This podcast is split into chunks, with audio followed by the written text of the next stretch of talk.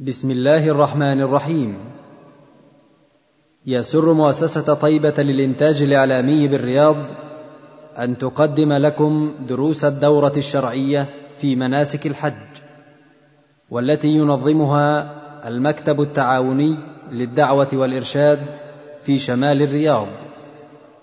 بجامع الأميرة نورة بنت عبد الله بن عبد العزيز بحي النخيل.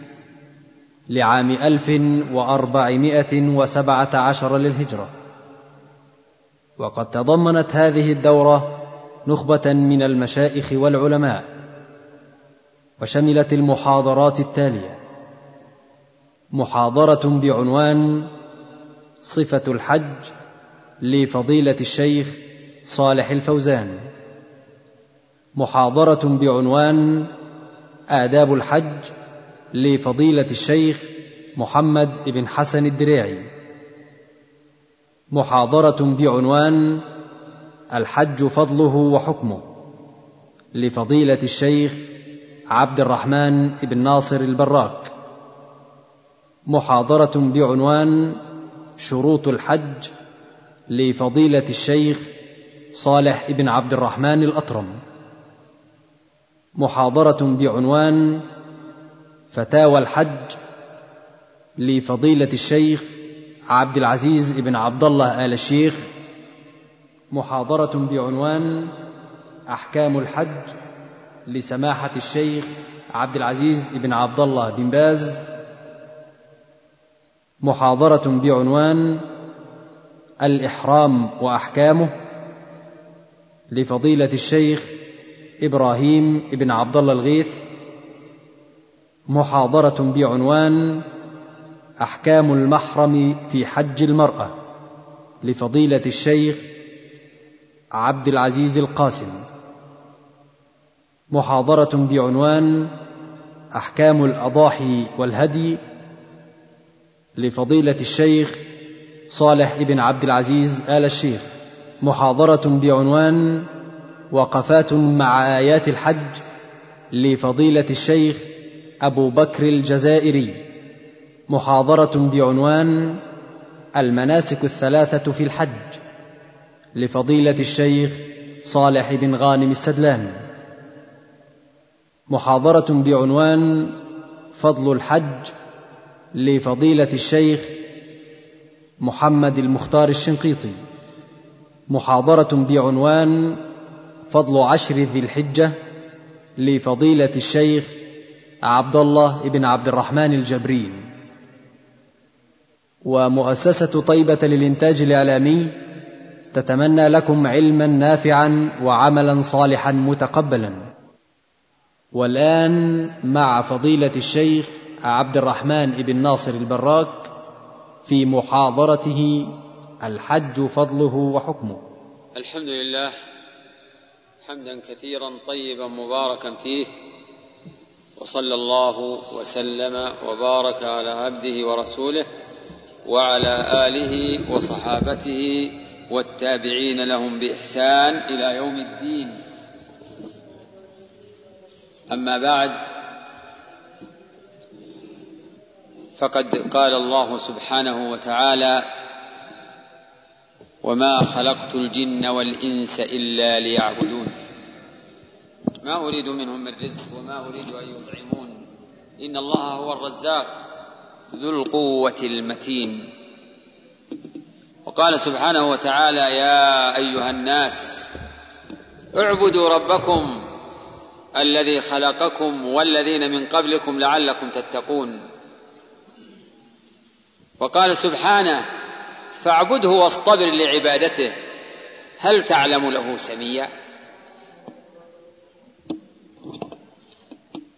ففي هذه الآيات ونظائرها دلالة على عظيم شأن العبادة عبادة الله. فعبادة الله وحده لا شريك له هي الغاية من خلق الثقلين الجن والإنس. كما صرحت بذلك الآية الأولى. فالله خلق الثقلين ليعبدوه ليعبدوه وحده. فالعبادة لا تكون عبادة على الحقيقة إلا مع التوحيد. عبادة الله وحده لا شريك له هي العبادة التي خلق الله الخلق من أجلها. وهي التي أمر الله بها جميع الناس. يا أيها الناس اعبدوا ربكم الذي خلقكم والذين من قبلكم. والعبادة كما عرفها أهل العلم اسم جامع كلمة صغيرة لكن معناها واسع. اسم جامع لكل ما يحبه الله ويرضاه. من القول والعمل. ظاهرا وباطنا. هذه هي العبادة. كل ما يحبه الله ويرضاه من الأعمال والأقوال الظاهرة والباطنة فهو من العبادة. من العبادة التي أمر الله بها. ومن العبادة التي خلق الخلق من أجلها. وهذا الإجمال في مفهوم العبادة قد فصله الله في كتابه وبينه رسول الله صلى الله عليه وسلم بقوله وبفعله.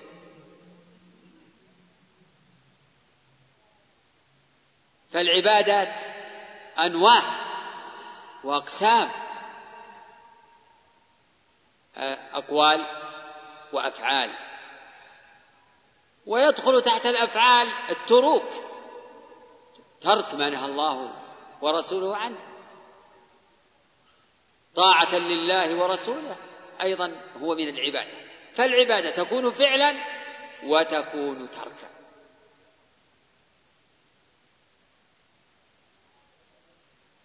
وهذا يتناول جميع تصرفات الإنسان في حياته. يجب أن تكون تصرفاتنا محكومة بشرع الله. والكمل من عباد الله تصرفاتهم كلها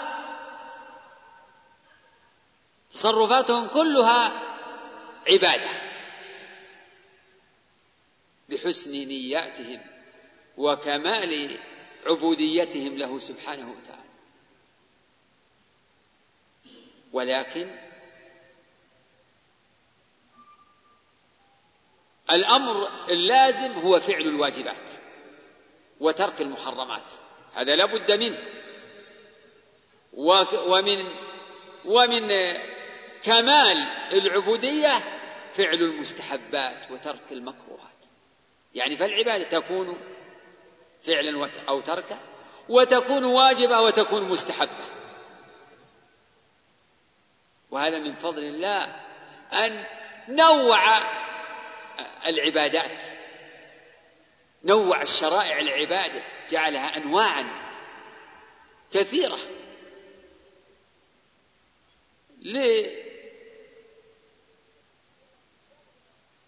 ليضرب المسلم من هذه الأنواع بسهم ولأن بتنوع العبادات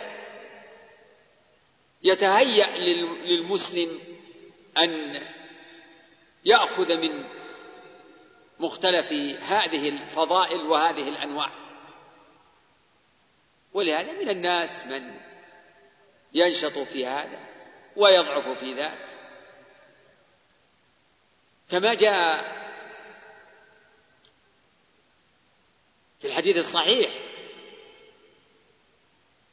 إن من الناس من يدعى يوم القيامة يدعى إلى الجنة من باب الصلاة وهذا يدعى من باب الجهاد وهذا يدعى من باب الصيام وهذا يدعى من باب الصدقة. بحسب بحسب ما يبرزون فيه ويغلب عليه.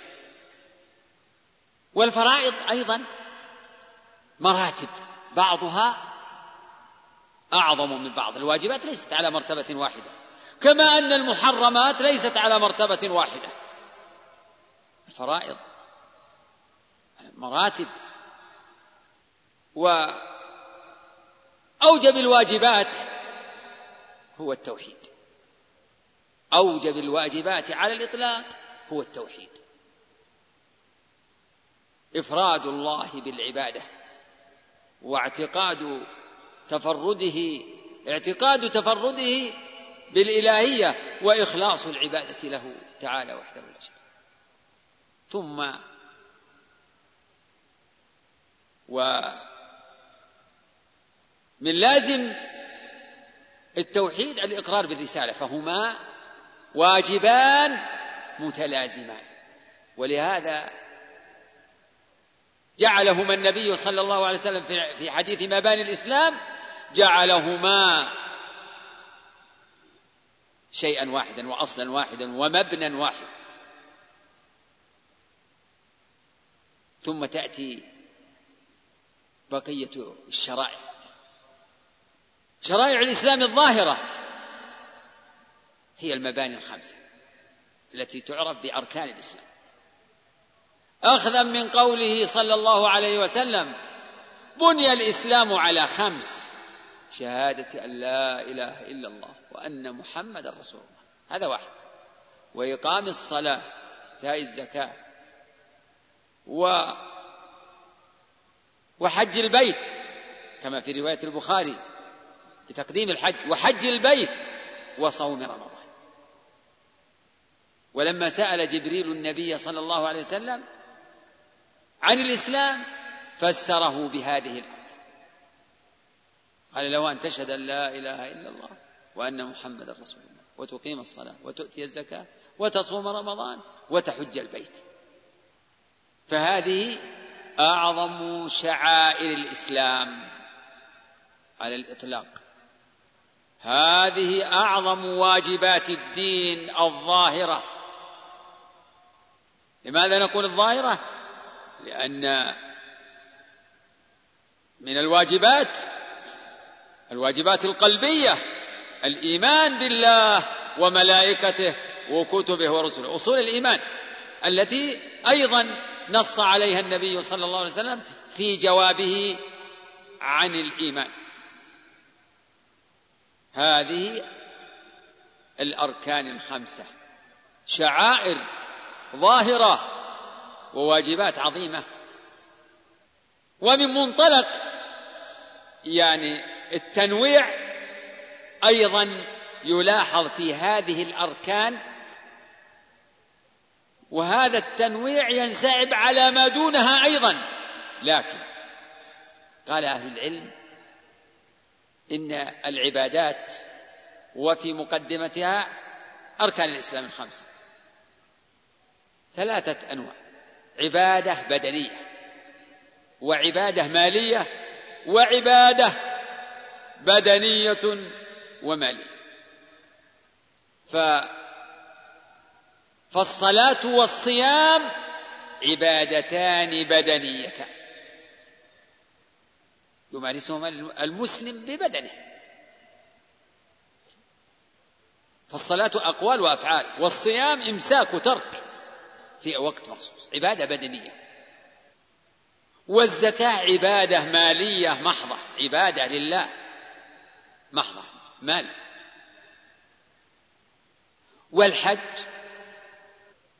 قد قيل إنه عبادة مالية بدنية. وقال بعض أهل العلم بل هو عبادة بدنية. الحج. عبادة بدنية. مالية. والذين قالوا إنه عبادة مالية نظروا إلى أن الحاج في الغالب يحتاج إلى المال. بل ومن شرط وجوب الحج القدرة المالية. القدرة المالية ملك الزاد والراحلة. فلهذا قيل بأنه عبادة بدنية مالية. مالية لأنه إنما يتوصل لفعله بالمال. وبدنية لأن وكذلك يدخل فيه المال بالنسبة لبعض لبعض المناسك. مثل التمتع والقران تعلمون أنه يجب فيه الهدي. والهدي عبادة مالية. فالمال يدخل في في الحج بها بهذا الاعتبار. ومن يرى أنه عبادة بدنية يقول إنه إن المال ليس ملازما. ما يتوقف الحج دائما على المال فالذي فالقريب من البيت ومن في مكة يمكن أن يحج على قدميه ولا يحتاج إلى الزاد والراحلة كما ستعلمون ذلك في محاضرات أخرى عن شروط وجوب الحج.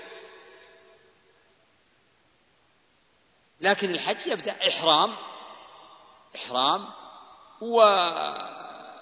والمناسك المعروفة أركانه معروفة الوقوف الطواف بالبيت آه، السعي بين الصفا والمروة هذه الأركان المعروفة المشهورة أعمال الحج الأخرى الواجبات السنن كلها أعمال بدنية. فالمقصود إن العبادة التي شرعها الله لعباده تتنوع هذا التنويع. عبادة بدنية وعبادة مالية محضة وعبادة بدنية مالية. وقد يغلب أحد الجانبين مثلا جانب البدن أو جانب المال على الآخر. ومما ينبغي أيضا أن نلاحظه في هذه المقدمة أن الله تعالى جعل لهذه الشرائع مواقيت. الصلاة لها مواقيت. إن الصلاة كانت على المؤمنين كتابا موقوتا. والزكاة لها ميقات. لها ميقات وآتوا حقه يوم حصاده. وكذلك يعني تمام الحول على أكثر الأموال. إنما تجب الزكاة إذا حال الحول على المال. يعني بعد استفادته. كذلك الصيام توقيت معلوم شهر معلوم من السنة. بنص القرآن شهر رمضان الذي أنزل فيه ونأتي ل نأتي للحج الذي هو موضوع هذه الدورة وهذه المحاضرة الحج. الحج له توقيت. دل عليه قوله سبحانه الحج أشهر معلومات. فمن فرض فيهن الحج فلا رفث ولا فسوق ولا جدال في الحج أشهر معلومات. يعني زمن الحج أشهر معلومات. زمن الحج أشهر معلومات. وجاء بيان ذلك في المأثور عن السلف الصالح من الصحابة والتابعين. كما صح عن ابن عمر رضي الله عنهما أنه قال أشهر الحج شوال وذو القعدة وذو الحجة أو عشر من ذي الحجة. هذه أشهر الحج. وما معنى أنها أشهر الحج؟ يعني أنها الأشهر التي يجب أن يكون الإحرام بالحج فيها أو يتأكد أن يكون الإحرام بالحج فيها لا قبلها لا قبل اشهر الحج. فمن أهل العلم من يرى أنه لا يصح الإحرام بالحج قبل أشهره ومنهم من يقول يكره كما في شأن المواقيت المكانية. اذا اذا الحج له مواقيت زمانية ومواقيت مكانية معروفة يكثر الحديث عنها. المواقيت المكانية أما ما في هذه الآية فهو الميقات الزمني. ميقات الحج الزمني أشهر الحج شوال وذو القعدة هذا الشهر الذي نحن فيه. وعشر من ذي الحجة. لماذا كانت عشر؟ لأن لأنه بعد طلوع فجر يوم النحر ينتهي إمكان الحج. طلع على الفجر وهو لم يقف بعرفة فاته الحج. أنت إذا هذا هو الوقت الذي يمكن فيه الإحرام بالحج ويمكن فيه إدراك الحج. هذا هو. والله تعالى بين لعباده في كتابه وعلى لسان رسوله تفصيل تفصيل أحكام هذه الشرائع. هذه الشرائع أيضا لها تفصيل واسع مبين في الكتاب وفي السنة وفي دواوين الحديث والفقه مما يعني بينه أهل العلم من الأحكام المستنبطة من النصوص والذي يعنينا في هذا اللقاء هو مسألة. أما تفصيل أحكام الحج من من شروط ومن أعمال آه، مفصلة فذاك له مقام آخر ووقت آخر. إذا الذي يتعلق به الحديث في هذا اللقاء هو حكم الحج وفضل الحج. حكم الحج. الحج المراد بالحج معروف عند المسلمين ولله لكن أهل العلم يذكرون إن ما يذكرون معناه اللغوي ومعناه الشرعي يقولون الحج هو القصد. وبعضهم يقيده ويقول هو القصد هو كثرة القصد إلى معظم. هذا من جهة اللغة.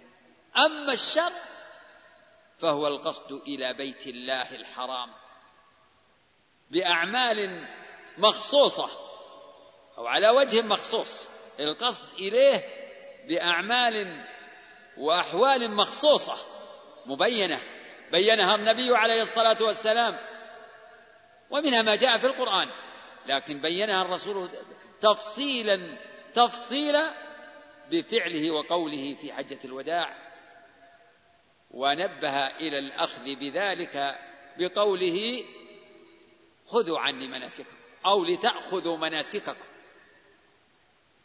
يعني لتأخذوه عنه. خذوا عني مناسك هذا هو الحج. حج إلى بيت الله العتيق حكم الحج أنه فرض عين. على كل من توفرت فيه الشروط. شروط وجوب الحج. فرض عين لا فرض كفاية. بمعنى أنه إذا حج بعض الناس كفى. لا فرض عين على كل مكلف. توفرت فيه وتحققت فيه شروط الوجوب.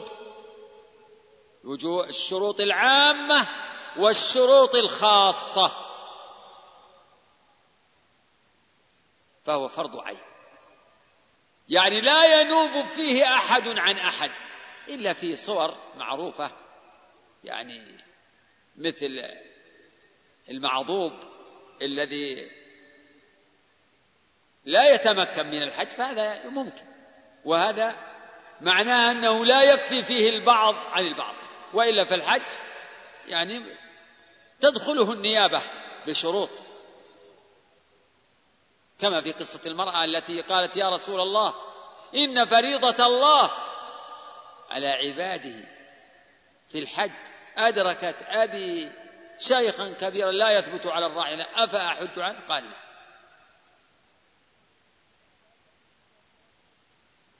بل إن الحج هو أحد أركان الإسلام العظام كما دل على ذلك غير حديث كحديث ابن عمر وغيره.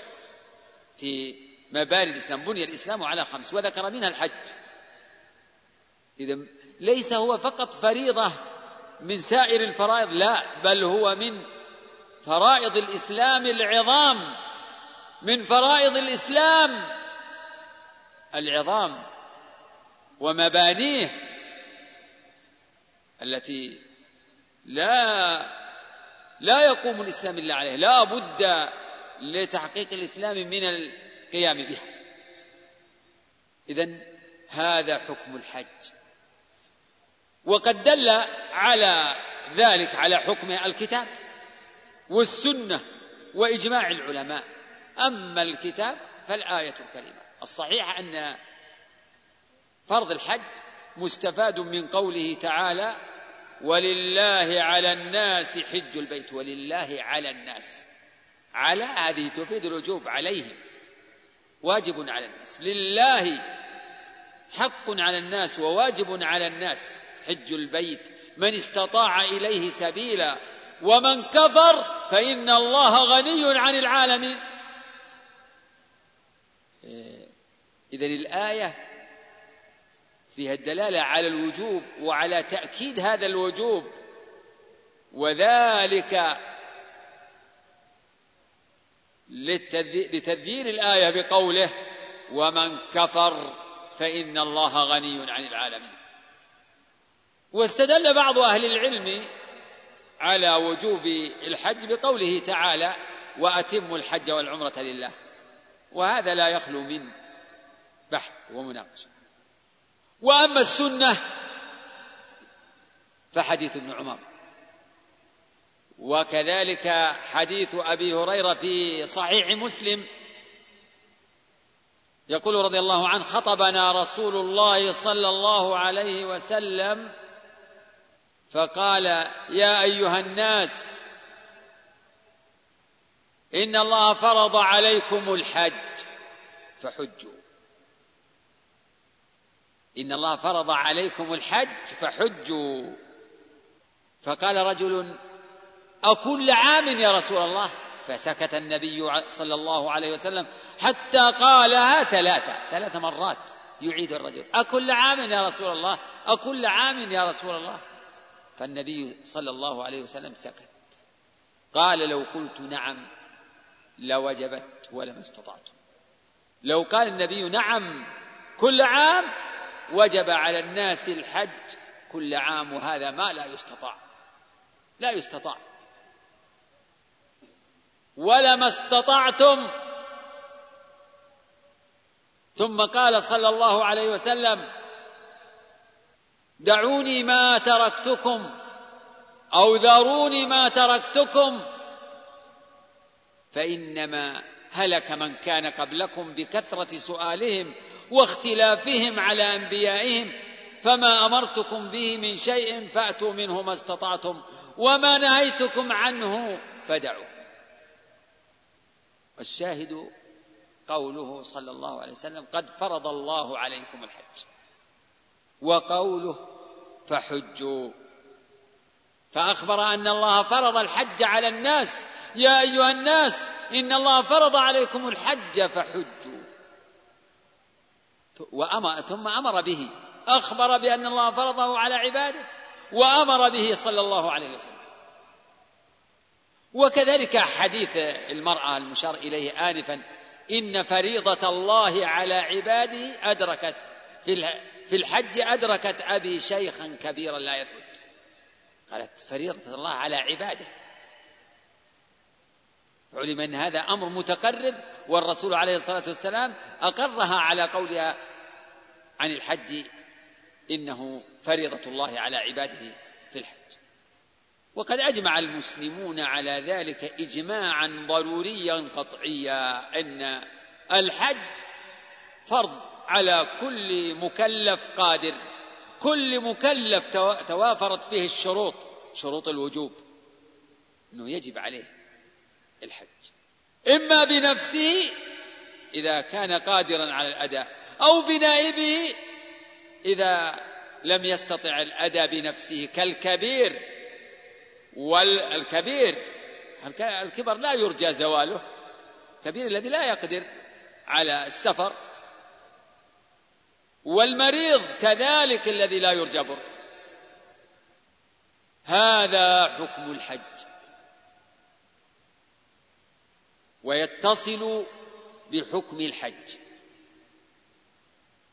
يتصل بحكمه مسائل منها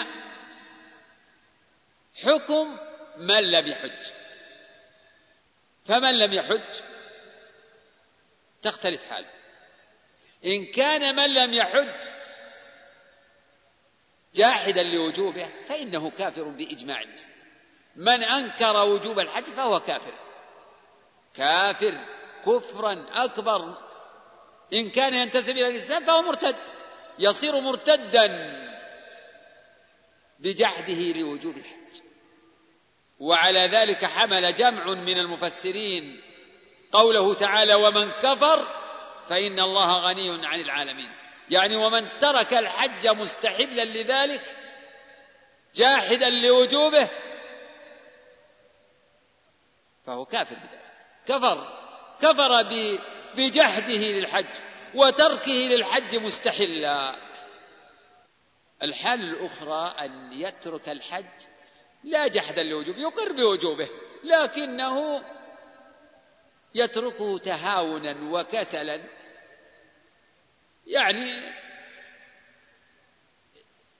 ينظر إلى بعد الشقة قد يكون بعيد ف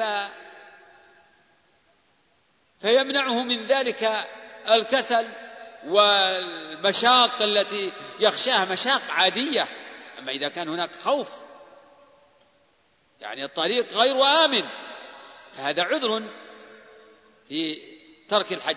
لكن إذا كان المانع هو خوف المشاق العادية ما يريد يتكلف. الأسفار لا تخلو من من مشاق في الغالب. ولهذا وتحمل يقول تعالى وتحملوا أثقالكم. وتحملوا أثقالكم. وتحملوا أثقالكم إلا بشق الأنفس الشاهد إلى بلد لم تكونوا بالغيه إلا بشق الأنفس. قد قيل إن المراد يعني البلد الحرام. وإن كانت الآية عامة فهي تحمل الرواحل تطيها الناس وسخرها الله تعالى للعباد تحملهم إلى مختلف البلاد لمختلف المقاصد. ومن وأعظم المقاصد السفر وتجشم الصعاب للبلد الحرام. لحج البيت الحرام. فمن امتنع عن الحج وترك الحج من غير عذر يجد يجد المال الذي يبلغه البيت والطريق آمن أسباب مهيئة. فهذا قد قال بعض أهل العلم أيضا بأنه يكفر. وجمهور أهل العلم على أنه لا يكفر بل يكون عاصيا مرتكبا لكبيرة من كبائر الذنوب. نعم يكون عاصيا. وقد يتوجه أو يقوى القول بكفره إذا عقد العزم على ألا يحج ولم يكن في نيته. إصرار وعزم على أنه لا يحج مع توفر الأسباب وتوفر الإمكانات. وقد جاء في هذا يعني آثار وأحاديث لا تخلو من مقال كما جاء عن أمير المؤمنين عمر رضي الله عنه. إنه قال لقد هممت أن أبعث رجالا إلى هذه الأمصار فينظروا من كانت له جدة وله يسار يقدر بها على الحج فلم يحج أن يضربوا عليه الجزية. ما هم عندي بمسلمين؟ ما هم بمسلمين؟ ما هم بمسلمين؟ وفي أحاديث فيها أن من كان له ما يبلغه الحج فلم يحج من غير مرض ولا عذر ولا سلطان جائر فمات فليمت إن شاء يهوديا وإن شاء نصرانيا. وهذا على كل حال يدل على خطر الإصرار على ترك الحج مع القدرة عليه. والمسألة الأخرى أو المسألة الثانية مما يتعلق بحكم الحج. هل الحج على الفور أو التراخي؟ هذه مسألة معروفة عند أهل العلم يذكرونها في تقرير حكم الحج. هل أداء الحج على الفور؟ فمن توفرت فيه الشروط شروط وجوبه. يجب عليه أن يبادر؟ من أول سنة يجب عليه يجب عليه فيها الحج؟ أم إنه يجوز له أن يمهل بعد سنة وسنتين وثلاث وأربع أو خمس أو ست قولان لأهل العلم؟ فكثير من أهل العلم قالوا بأنه على التراخي يعني لا ضير على المسلم إذا أخر الحج من عام إلى عام إلى عام. ما دام أنه عازم على الحج يجب أن يكون عازما. من يقول إنه على التراخي يقول يجب أن يعزم على الحج. لكن لا حرج عليه إذا أخره السنة والسنتين أو الثلاثة والأربع ومن أهل العلم من قال بأنه يجب على الفور. ومعنى أنه يجب على الفور أنه متى قدر من وجب عليه الحج وتوافرت فيه الشروط فإنه يجب عليه أن يبادر من أول سنة. ومتى أخر من غير عذر من أخر عن أول سنة يجب عليه فيها الحج من غير عذر فهو عاصي. عاصي بالتأخير عليه إثم التأخير. عليه إثم التأخير. ولا يعد تاركا للحج بإطلاق لأنه عازم على الفعل. لكن يكون عاصيا بالإمهال. ومن أهم ما استدل به من قال بأنه على التراخي قالوا إن الحج فرض في السنة الخامسة أو السادسة والنبي صلى الله عليه وسلم وكثير من أصحابه إنما حجوا في السنة العاشرة حجة الوداع. و قالوا إن الآية الدالة على وجوب الحج هي قوله تعالى وأتموا الحج والعمرة لله. وهذه الآية قد نزلت في السنة السادسة في شأن إحصار الرسول وأصحابه عن مكة. وأتموا الحج والعمرة لله فإن أحصرتم فما استيسر من الهدي. فقد جاءوا معتمرين وأحصروا وصدوا عن البيت. فمن استدل بهذه الآية وقال إنها هي الدليل على فرضية الحج قال إن الحج على التراخي لأن الحج فرض في السنة السادسة بل ربما قالوا في الخامسة والنبي أخر الحج إلى السنة العاشرة. قالوا أيضا فإن الحج يمكن يعني متى فعله المكلف في أي سنة من عمره فإنه أداء يكون أداء لا يكون قضاء. إذا وقت الحج هو العمر العمر كله وقت للحج. إي والله نعم هو وقت للحج. هو وقت للحج. لكن ليس على وجه التوسيع بمعنى أنه وقت موسع. يعني الإنسان فيه مخير على البحث المقرر. لكن هؤلاء يقولون إنه وقت فهو موسع عند من يقول بأنه على التراخي. فمتى حج الإنسان قبل الموت؟ فقد أدى فريضة الإسلام ولا إثم عليه ولا حرج عليه. وذهب آخرون كثير من أهل العلم أيضا قالوا بأن الحج على الفور. تجب المبادرة.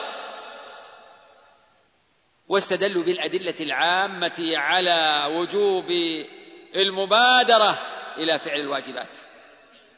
والتحقيق أيضا في مسألة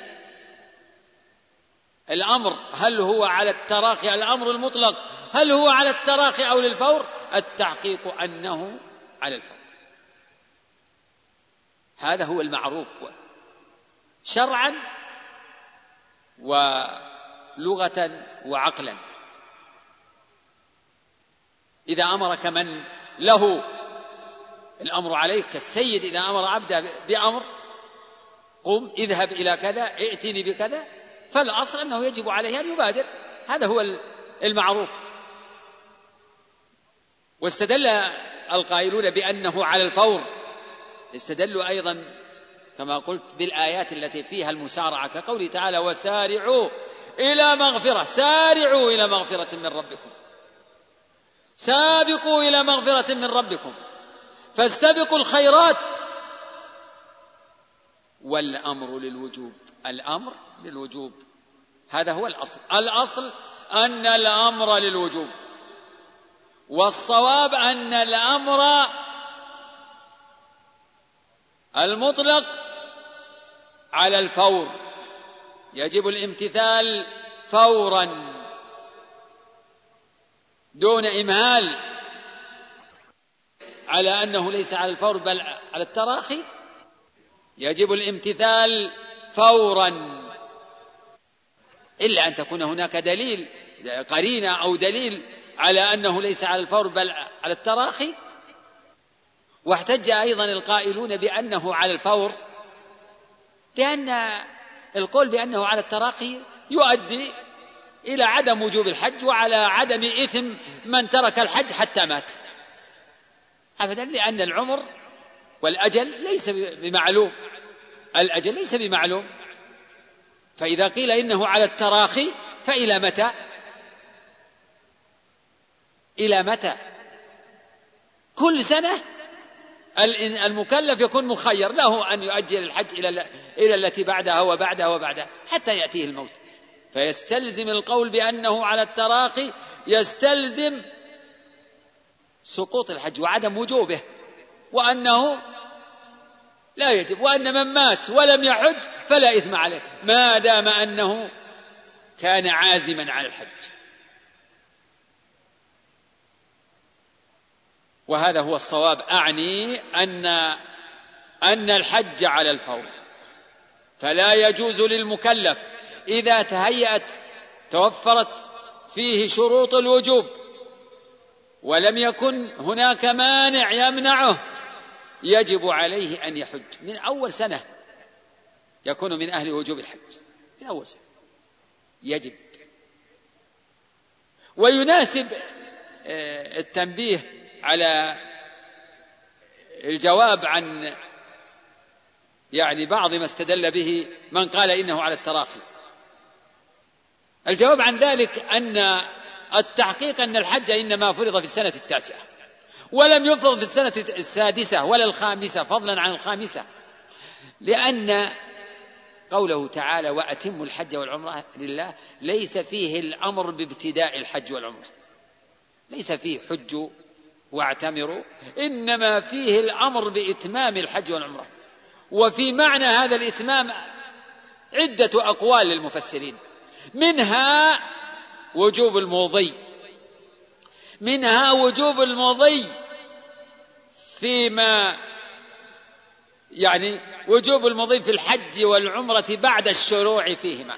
فمن فمن شرع في حج أو عمرة وإن كان تطوعا وجب عليه المضي. ليس عليه أن يدع يرفضهما أو أن يرجع عن ما شرع فيه. يجب عليه الإتمام. حتى قال جماهير أهل العلم على قالوا بوجوب المضي في فاسدهما. حتى ولو فسد الحج بجماع مثلا فإنه يجب المضي فيه وكذلك العمرة.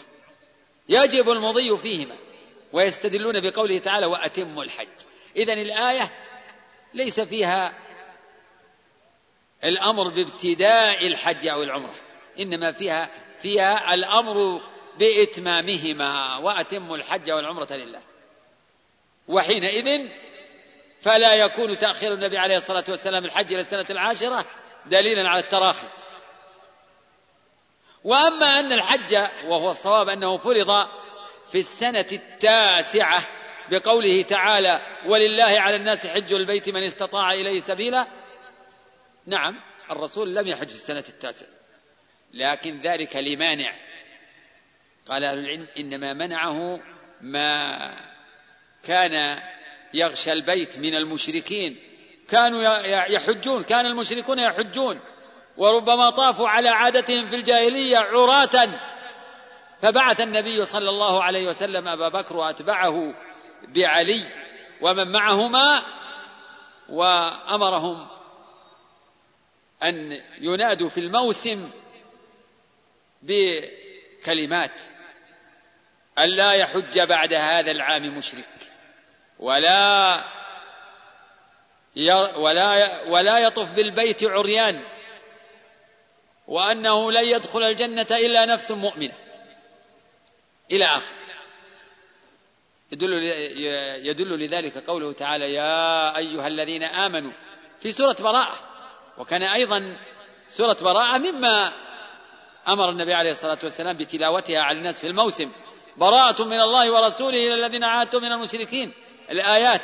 إلى قوله تعالى يا أيها الذين آمنوا إنما المشركون نجس فلا يقربوا المسجد الحرام بعد عامهم هذا.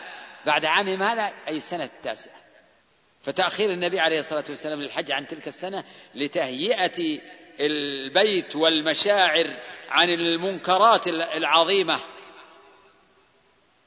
فحج النبي عليه الصلاة والسلام الحجة العظيمة حجة الوداع ومعه معظم المسلمين بأعظم موكب وأعظم مشهد.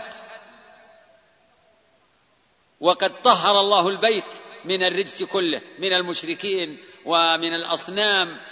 قبل ذلك إنما المشركون نجس فلا يقربوا المسجد الحرام بعد عامهم هذا.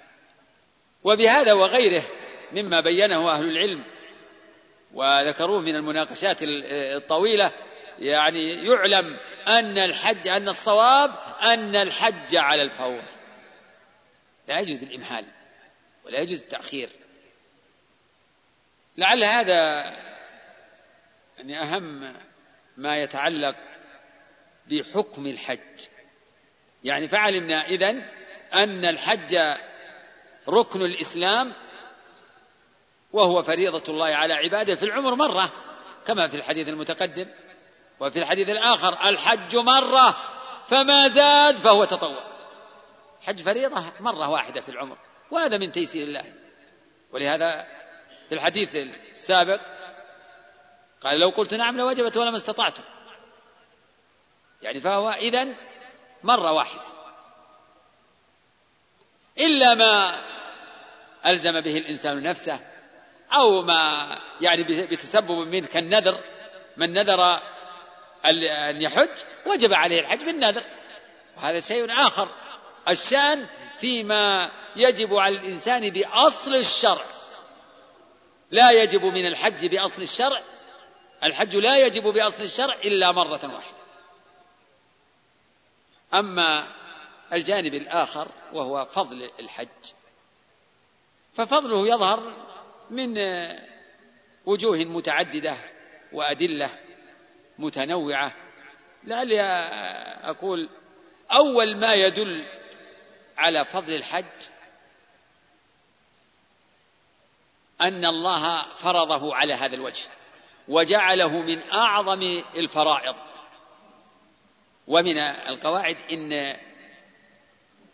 إن الفريضة أفضل من النافلة. و والفرض كل فريضة هي أحب إلى الله. يدل لهذا المعنى قوله سبحانه في الحديث القدسي وما تقرب إلي عبدي بشيء أحب إلي مما افترضته عليه. كثير من الناس ينشط في النوافل ويكثر من النوافل ويفرط في الفرائض. وهذا من من خدع الشيطان ومن جهل الإنسان. على المسلم أن يهتم بالفرائض ويهتم بالأهم قبل المهم. فأركان الإسلام الخمسة بعضها أفضل من بعض وأعظم من بعض. الشهادتان الصلاة الزكاة الصوم الحج. فبعضها أفرض من بعض. ففرائض الإسلام متفاوتة في الوجوب كما تقدم الاشاره إلى هذا. لكن الحج هو من الفرائض العظيمة من فرائض الأعيان ومن أركان الإسلام.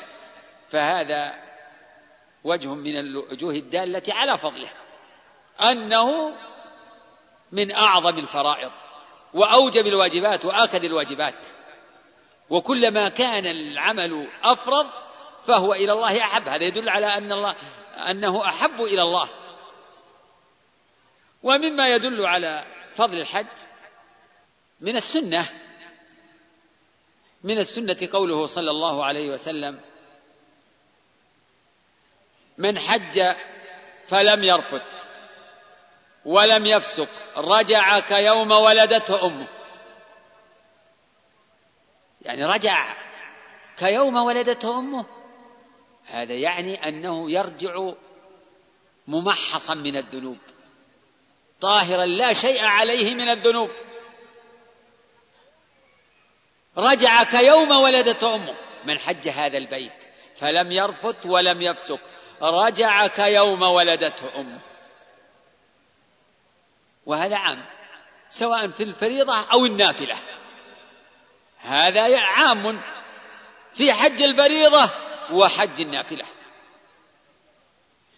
فهو يدل على أن الحج المبرور الحج المبرور يكفر الذنوب كلها. لكن يجب أن نعرف أن هذا لا يتأتى مع الإصرار على شيء. من الحاج من يحج وهو يتلبس بالذنوب. نفس وهو يحج يمارس ذنوب. أفيكون حجه مبرورا؟ لا أقول إنه لا يقبل حجه لكن لا يكون الحج مبرورا. الحج الذي وردت الأدلة في فضله وورد الوعد العظيم ورتب عليه الوعد العظيم كما هنا. لا. أو من يحج وهو مصر على المعاودة بقلبه الذنوب في قلبه يحج وهو عازم على ممارسة ما تعوده من الذنوب. إنما يكون هذا الحج المبرور يقتضي يتضمن الإنابة إلى الله وكمال الإقبال عليه. والإقلاع عن الذنوب. هذا هو شأن الحج المبرور. يعني الذي يذهب ويحج يتحمل في سبيل في سبيل الله. يتحمل إنواع الصعوبات وأنواع المشاق ويضحي و يعني بالمال والنفس. فإن الحج يتضمن أمورا كثيرة صعبة. ولهذا كان الحج يعني من نوع الجهاد من نوع الجهاد. وسماه النبي صلى الله عليه وسلم جهادا في في الحديث الصحيح. عن عائشة رضي الله عنها قالت قلت يا رسول الله نرى الجهاد أفضل العمل يعني الجهاد الذي هو قتال الكفار الجهاد بالقتال. أفضل العمل أفلا نجاهد؟ قال لا. لكن الجهاد لكن أفضل الجهاد حج مبرور وفي اللفظ الآخر لكنا لكنا أفضل الجهاد حج مبرور لكن. يعني بالنسبة للنساء أفضل الجهاد بالنسبة للنساء حج مبرور.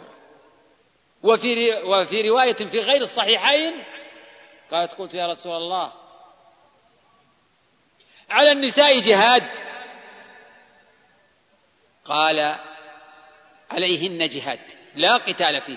عليهن جهاد لا قتال فيه الحج والعمرة. وهذا مما يستدل به على وجوب الحج ووجوب العمرة. عليهن جهاد لا قتال فيه. ويؤيد هذا ويشهد لهذا أن النبي صلى الله عليه وسلم في الحديث المتفق على صحته أيضا أنه سئل أي العمل أفضل؟ قال إيمان بالله ورسوله. قيل ثم ماذا؟ قال الجهاد في سبيل الله. قيل ثم ماذا قال؟ حج مبرور. فجعل الجهاد أو الحج المبرور قرين قرين الجهاد وفي الم وهو في المرتبة الثانية من الجهاد. وهذا يعني أقول إنه عام في حج الفريضة وفي حج التطوع. ولعل هذا الترتيب مراعا فيه حج التطوع. أما حج الفريضة حج الفريضة هو أفرض من الجهاد. حج الفريضة أفرض من الجهاد. لكن الحج المبرور وإن كان تطوعا هو يلي الجهاد. قيل ثم ماذا؟ قال الجهاد في سبيل الله. قيل ثم ماذا؟ قال حج مبرور نعم تفضل طيب دقائق قصيرة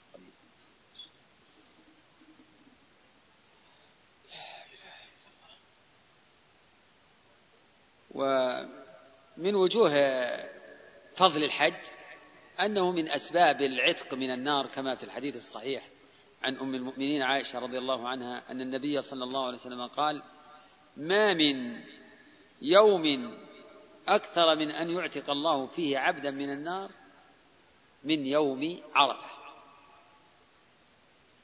وإنه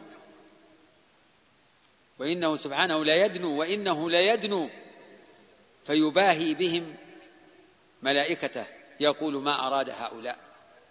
ف الحج من أسباب العتق من النار.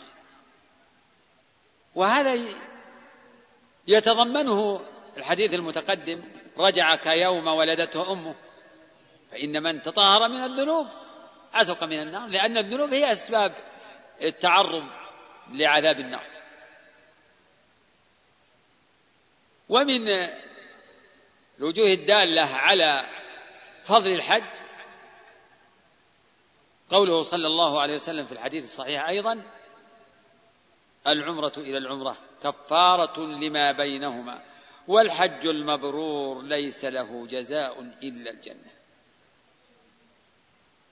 فالحج المبرور من أعظم الأسباب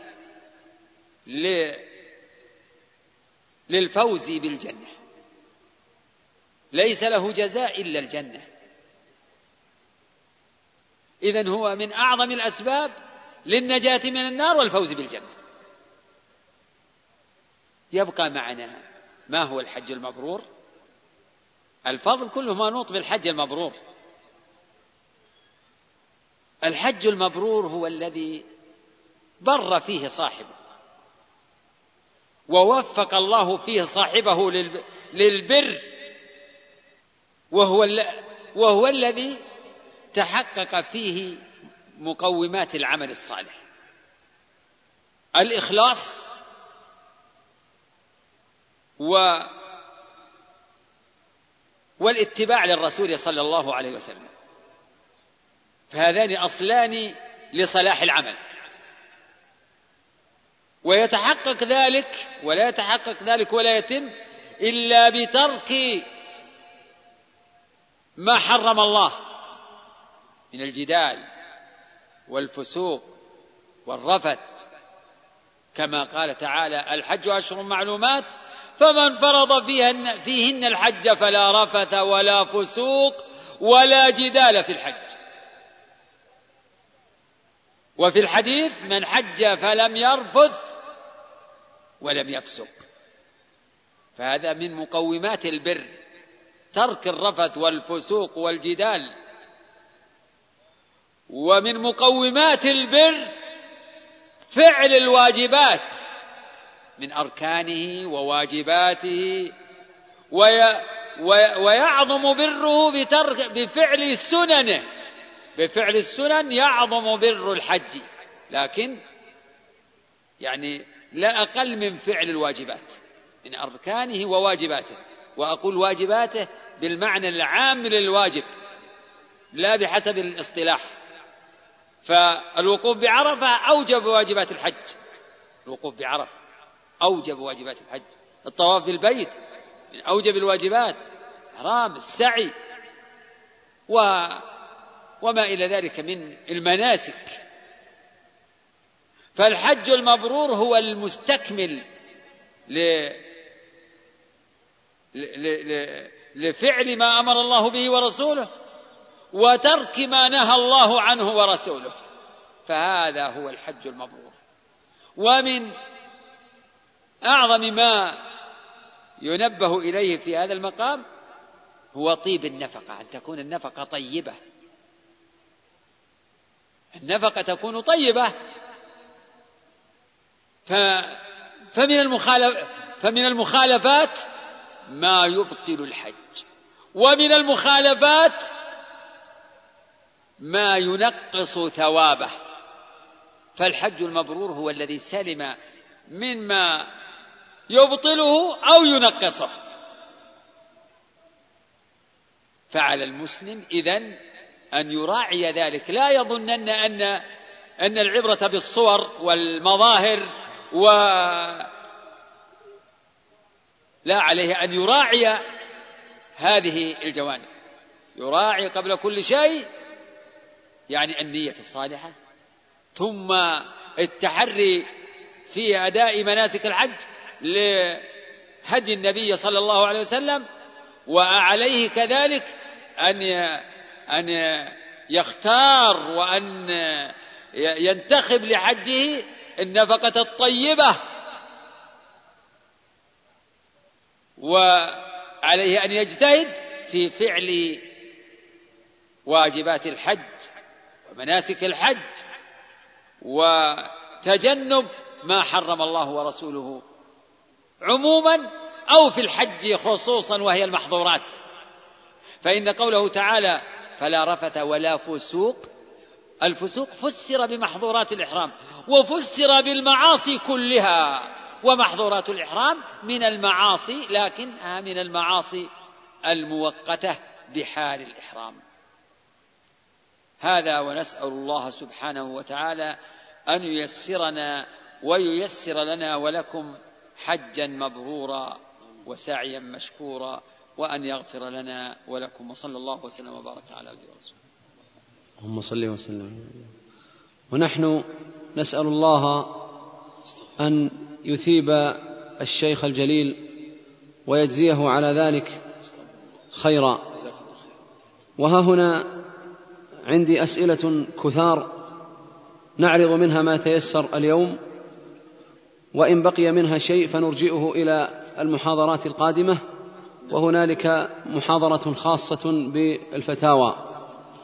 يقول السائل فضيلة الشيخ إني أحبكم في الله يقول حججت حجة الإسلام وجئت لأحج مرة أخرى فقيل لي إن الصدقة أفضل من حج النفل مع وجود الفقراء المحتاجين فهل هذا صحيح؟ أقول أحبك الله الذي أحببتني فيه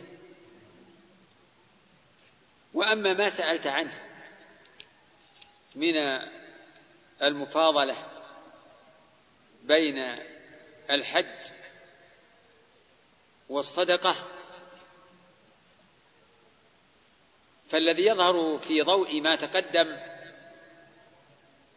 أن الحج أفضل اللهم إلا أن تكون هناك ضرورة. أما مجرد الصدقة إذا كان هناك ضرورة فالضرورات تقدر بقدرها.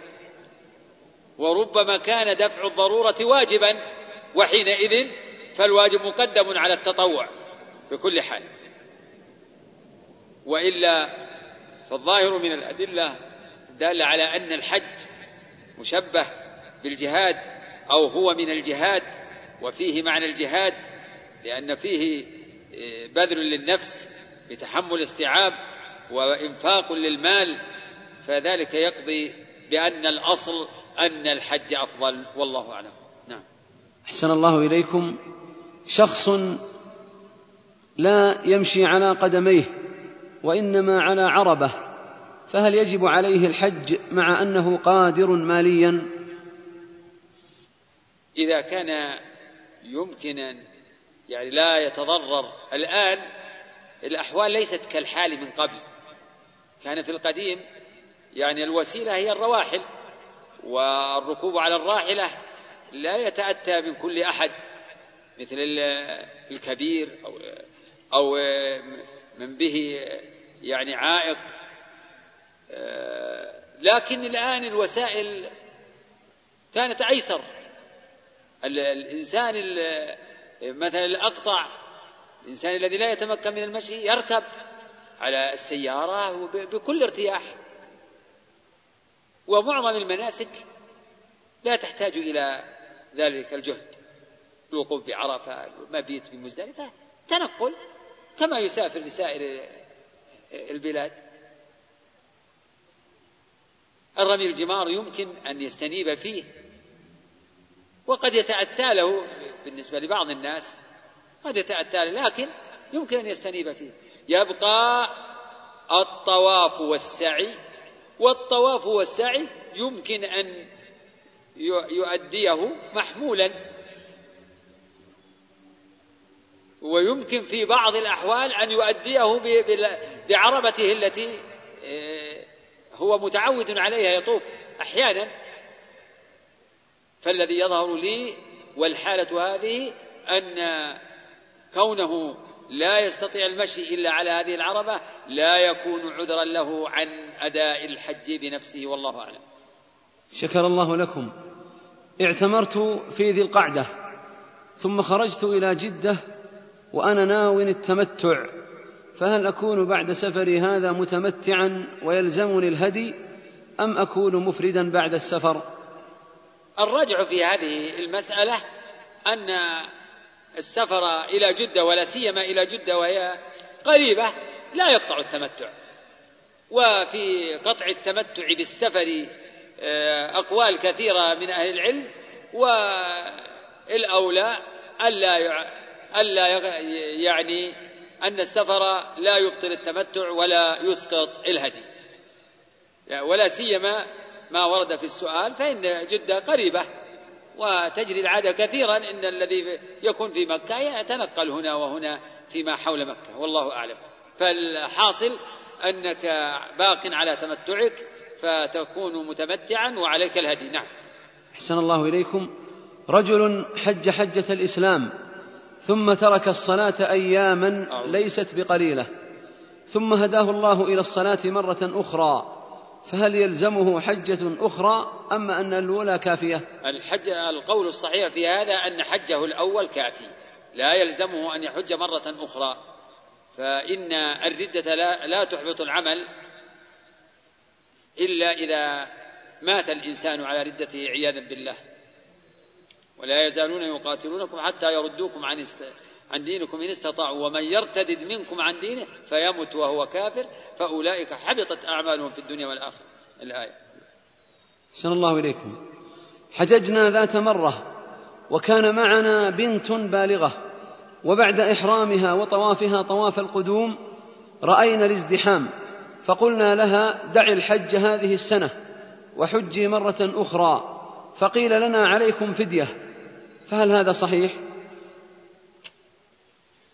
لا إله إلا الله مرة أخرى السؤال يقول نعم. حججنا ذات مرة نعم. وكان معنا بنت بالغة وبعد إحرامها وطوافها طواف القدوم رأينا الازدحام فقلنا لها دع الحج هذه السنة وحجي مرة أخرى فقيل لنا عليكم فدية فهل هذا صحيح؟ النسك الذي أحرمت به يظهر من السؤال أنه أنه إفراد أنها أحرمت بالحج مفردة. وكما تقدم أن على من أحرم بالحج عليه الإتمام. وليس الشأن بوجوب الفدية الشأن بإتمام النسك. ويحتاج يحتاج إلى أن نسأل هل حجت أو لم تحج. فمثل هذا السؤال يحتاج إلى أن إلى شيء من المشافهة لأنه يحتاج إلى استفصال. فإن كانت يعني قد حجت أو اعتمرت فنرجو أنها قد تحللت الآن. وإن كانت لم تحج ولم تعتمر فهي باقية على إحرامها هذا هو الأصل. إذا لم تكن حجت ولا اعتمرت فهي باقية على إحرامها على ما هو معروف عند أكثر أهل العلم من أنه يجب إتمام الحج وأنه لا يرتبط الإحرام بالرفض ولا يبطل بعدول المكلف وتركه له. ومثل هذا لا يصلح أن يكون من نوع الإحصار. الزحام تزول ينتظر ويتحرى.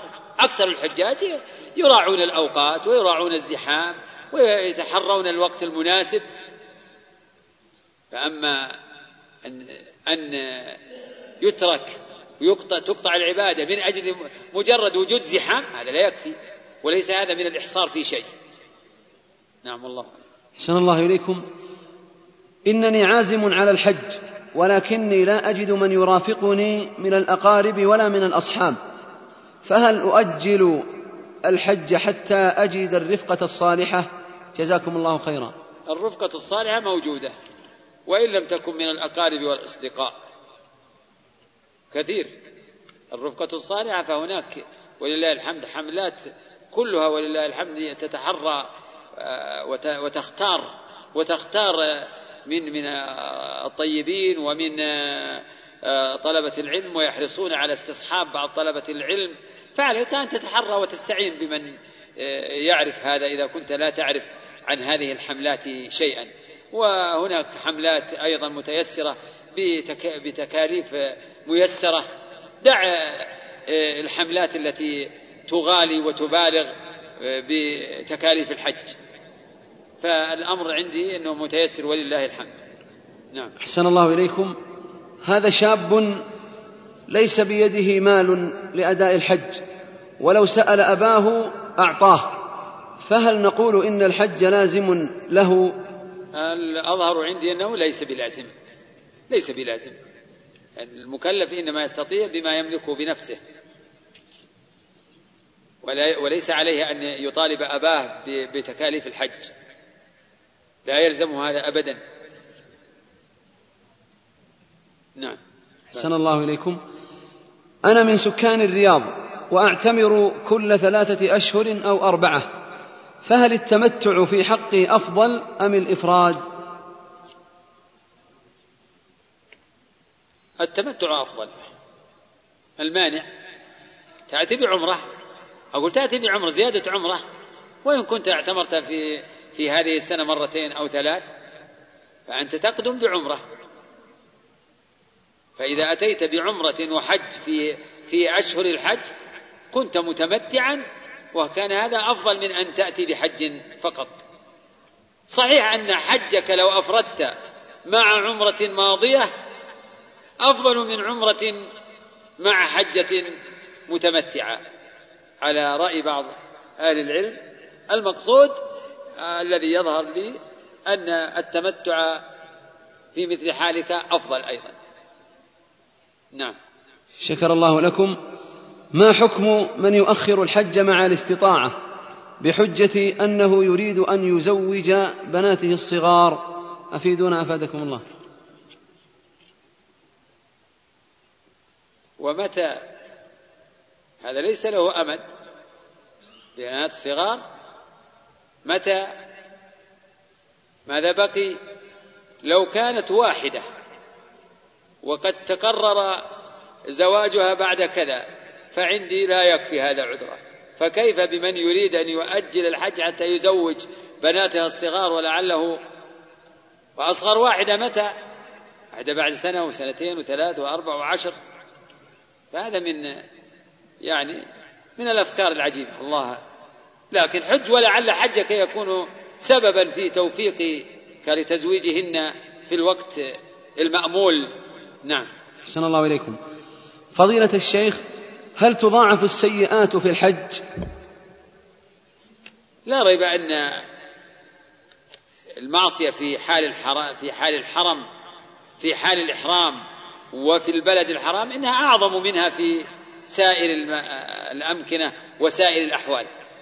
فالذنب يعظم بحرمة الزمان وحرمة المكان وحرمة الحال وكلها مجتمعة في الحاج. فالمعصية من الحاج وهو محرم اجتمع فيه حرمة الزمان والمكان والحال. فالمعصية منه أعظم. يعني نفترض نمثل بالدخان. يعني الدخان من المحرم في مكة في أشهر الحج أقبح وأقبح وأقبح منه في سائر الأمكنة والأزمنة والأحوال. فضلا عما سوى ذلك من أنواع الذنوب مثل تبرج النساء وغير ذلك أو المكاسب المحرمة مثل من يعني بعض الناس يحج ليسرق. سرقة. السرقة من أين؟ ولعله يكون حاجا. يكون لعل السارق يكون حاجا يتصور أن. يكون حاج يسرق ها؟ ويسرق وهو حاج من ال... في البلد الحرام وفي الشهر الحرام ويسرق ممن؟ من الحاج فهذه كلها عوامل عظم. يعني يتعاظم بها الذنب ويتغلظ بها تحريمه.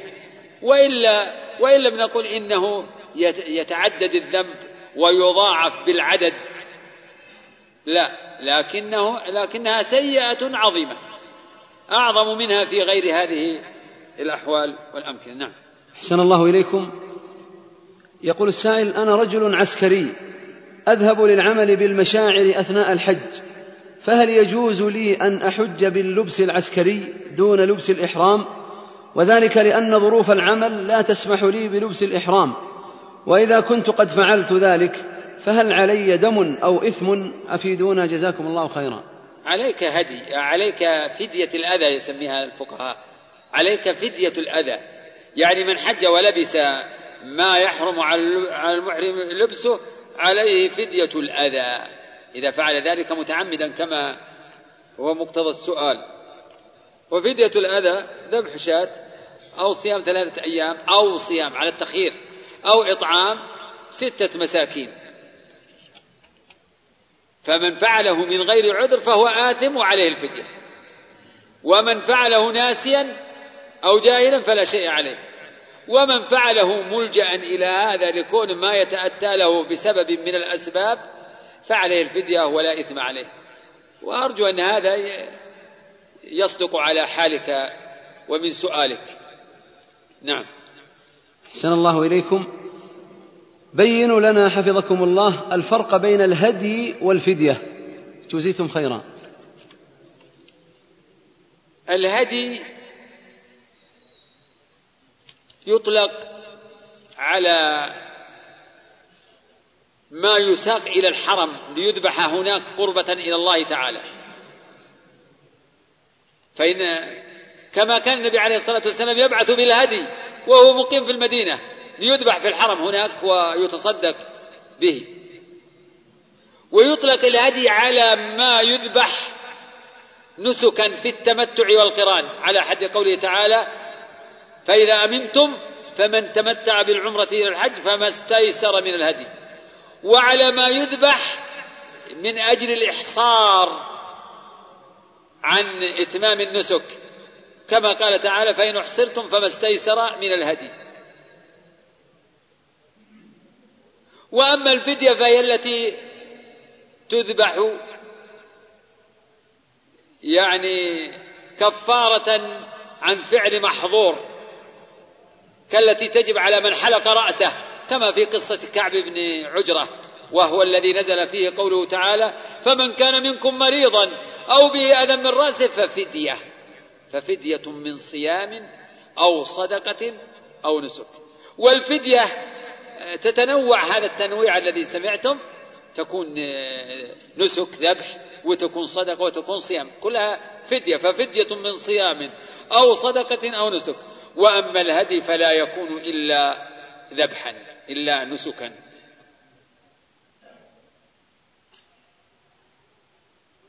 نعم. أحسن الله إليكم. يقول السائل فضيلة الشيخ إني أحبك في الله وبعد. علي دين وأريد الحج ومالي محدود. فهل أبدأ بفريضة الحج أولا أم أبدأ بسداد الدين وتأجيل الحج للسنة القادمة؟ علما بأن صاحب الدين مستعد لأن ينظرني إلى حين ميسرة. ما دام أنه مستعد للإنظار دون يعني إحراج منك له وإلحاح. بل هذا يعني يعني حاصل منه ابتداء لسماحته ولتعاونه معك. فأنت مخير. إن شئت حج وإن شئت اقضي الدين. فلك أن تقضي الدين. وإن شئت حج. فكل منهما فأنت في سعة. لك أن تؤجل الحج إلى العام القادم. لكن إذا أجلت الحج فأد الدين. إذا أجلت الحج فأد الدين.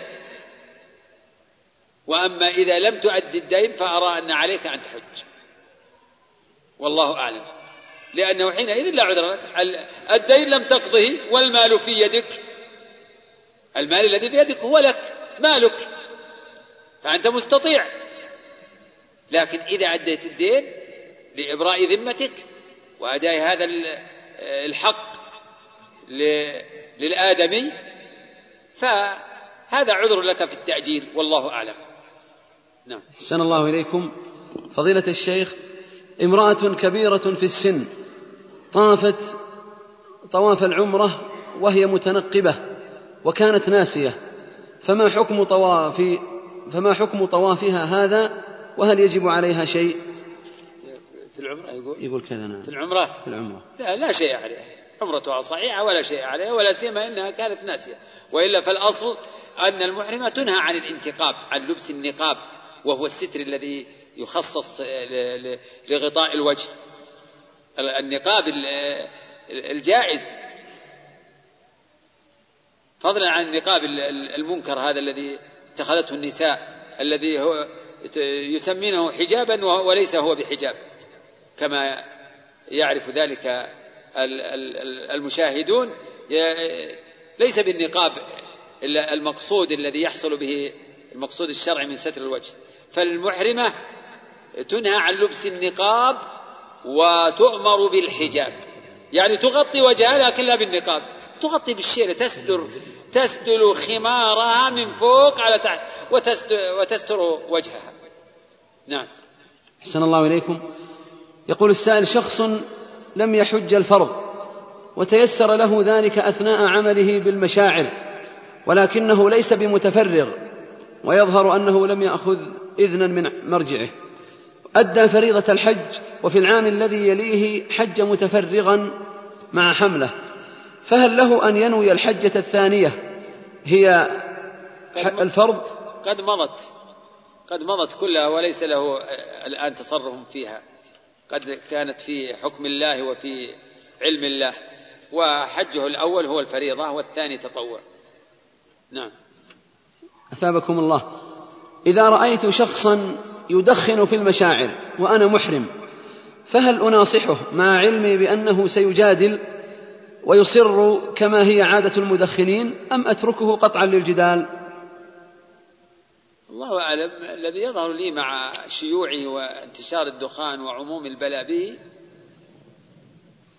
قد يتوجه تركه ما دام إن المسألة ستؤول إلى جدال وفي الغالب إنه لا نتيجة لا نتيجة فلا تشغل نفسك به ولا سيما إن إن هذا الصنف كثير. فلو فرغت نفسك لمتابعتهم لم تفرغ لشيء من آه، الذكر والعبادة. فنسأل الله أن يهديهم وأن يطهر آه، مجتمعات المسلمين من الفواحش والآثام والمنكرات الظاهرة والباطنة. يطهر القلوب. نعم. أحسن الله إليكم.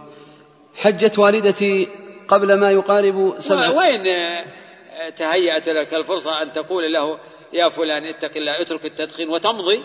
هذا لعله أولى أيضا. لا تشتغل معه. يكفي أن أنك ألقيت عليه كلمة ربما تفعل يكون لها أثر في نفسه. نعم. لكم تحيات. مؤسسة طيبة للإنتاج الإعلامي بالرياض. هاتف رقم اثنان وأربعون ثلاثة وخمسون ثلاثة وسبعون سبعة. شارع السويد العام غرب النفق. صندوق بريد ستة وسبعون اثنى عشر. والسلام عليكم ورحمة الله وبركاته.